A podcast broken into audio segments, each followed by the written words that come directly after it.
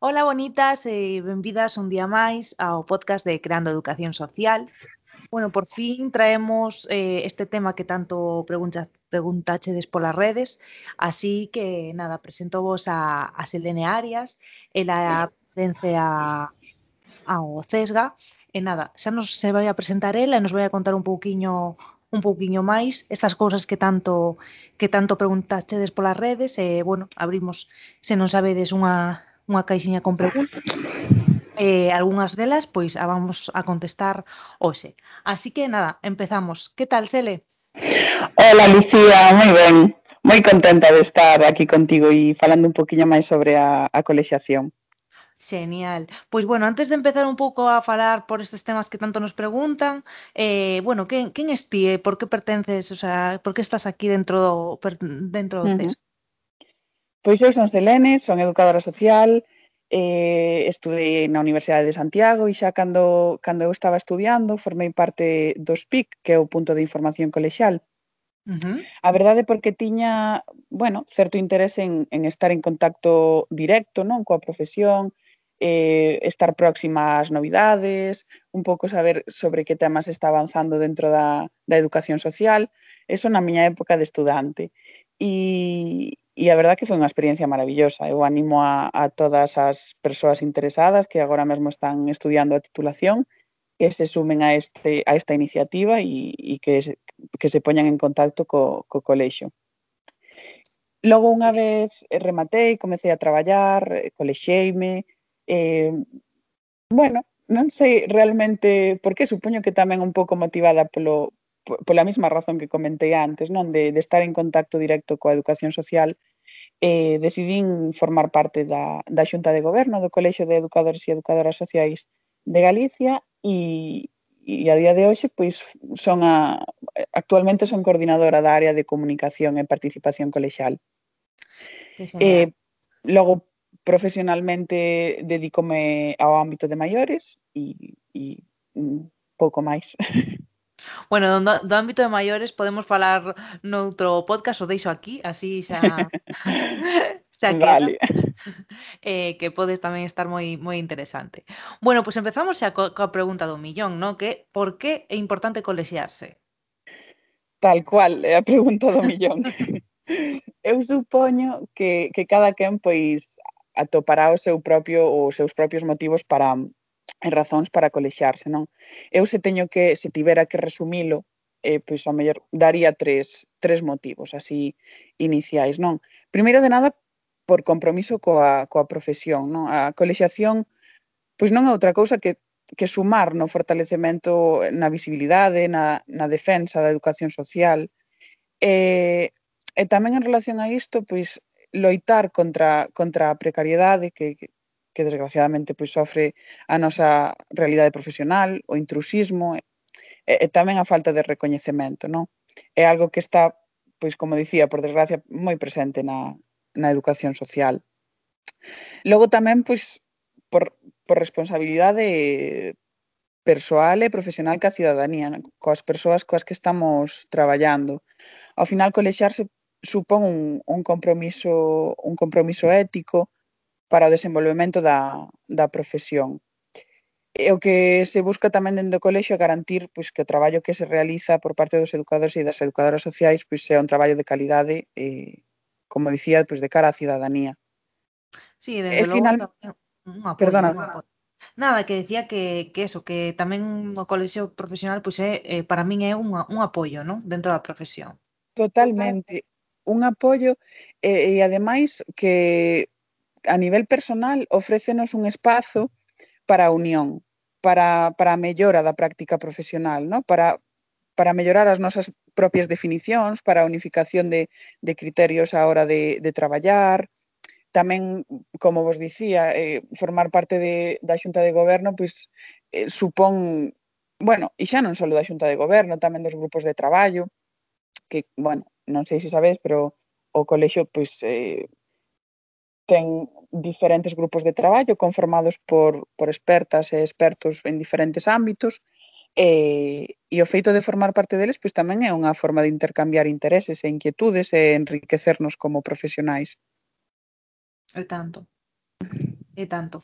Pois, pois bueno, eu creo que a pregunta do millón está máis que contestada, así que pois animo a, a todas a, a colexiarse, a seguir sumando E bueno, dende aquí tamén felicitar o Cesga porque eh, fai nadiña, chegamos a, as mil colexiadas, e bueno, sí. para mí é, é toda unha honra, e, e bueno, non sei ata que punto é diferente pois ser ser mil ou ser 500 colexiadas, non sei que podes dicir aí.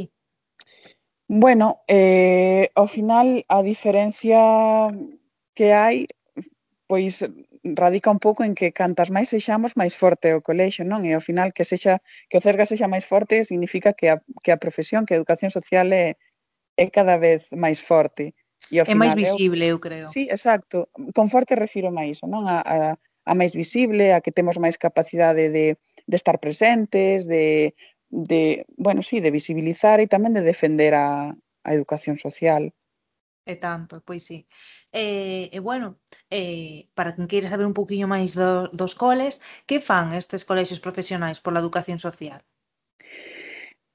Pregúntasme cal é a función, verdade? Sí. A función do CESGA.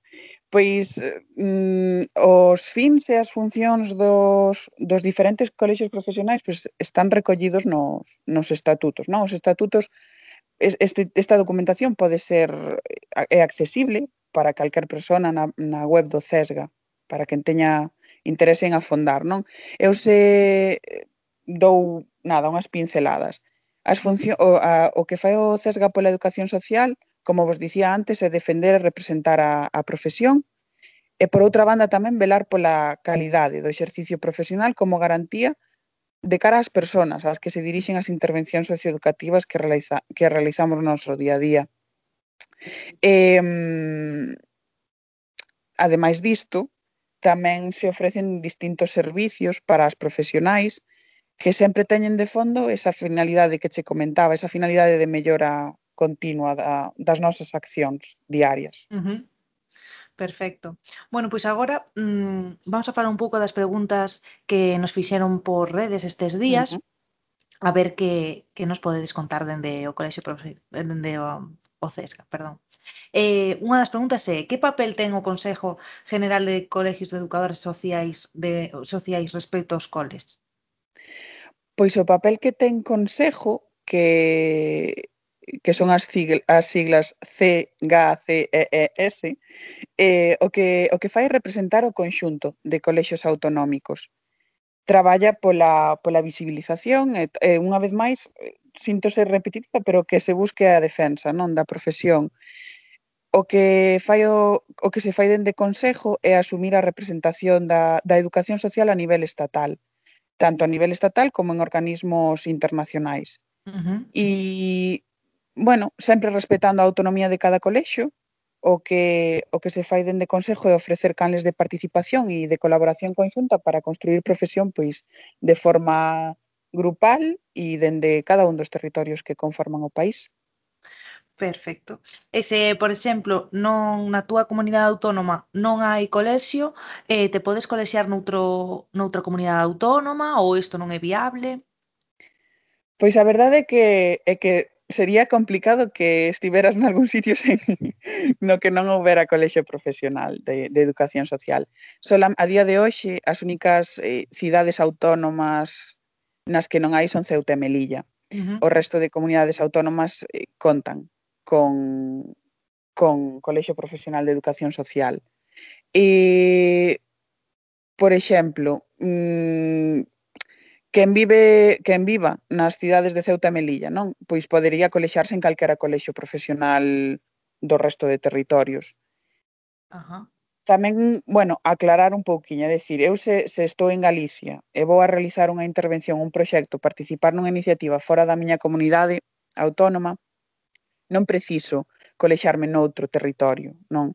É dicir, eu mantéñome colexada en Galicia e, e quen estea colexiada nun territorio se traslada a outro, pois para xestionar este traslado eh, o máis fácil é, é facer un traslado de expediente, non? En vez de darse de baixa, pois imagínate en Galicia, faríase directamente o traslado Ajá. hacia a outro territorio.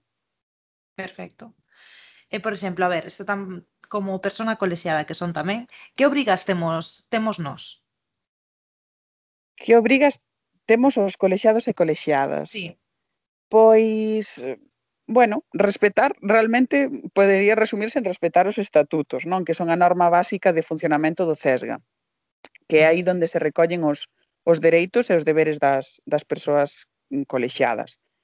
Eh, por comentar algún, non? A, os deberes que temos, pois pagar as cotas colexiais que corresponda, -huh. comunicar os cambios de datos persoais, por exemplo, se, se, si, pues, cambiáchete de cidade, de domicilio, que sexa, pois pues, estamos obrigados a comunicalo. Cooperar tamén nos asuntos nos que se nos requira por parte de, do cole en relación á especialidade profesional que desempeñemos.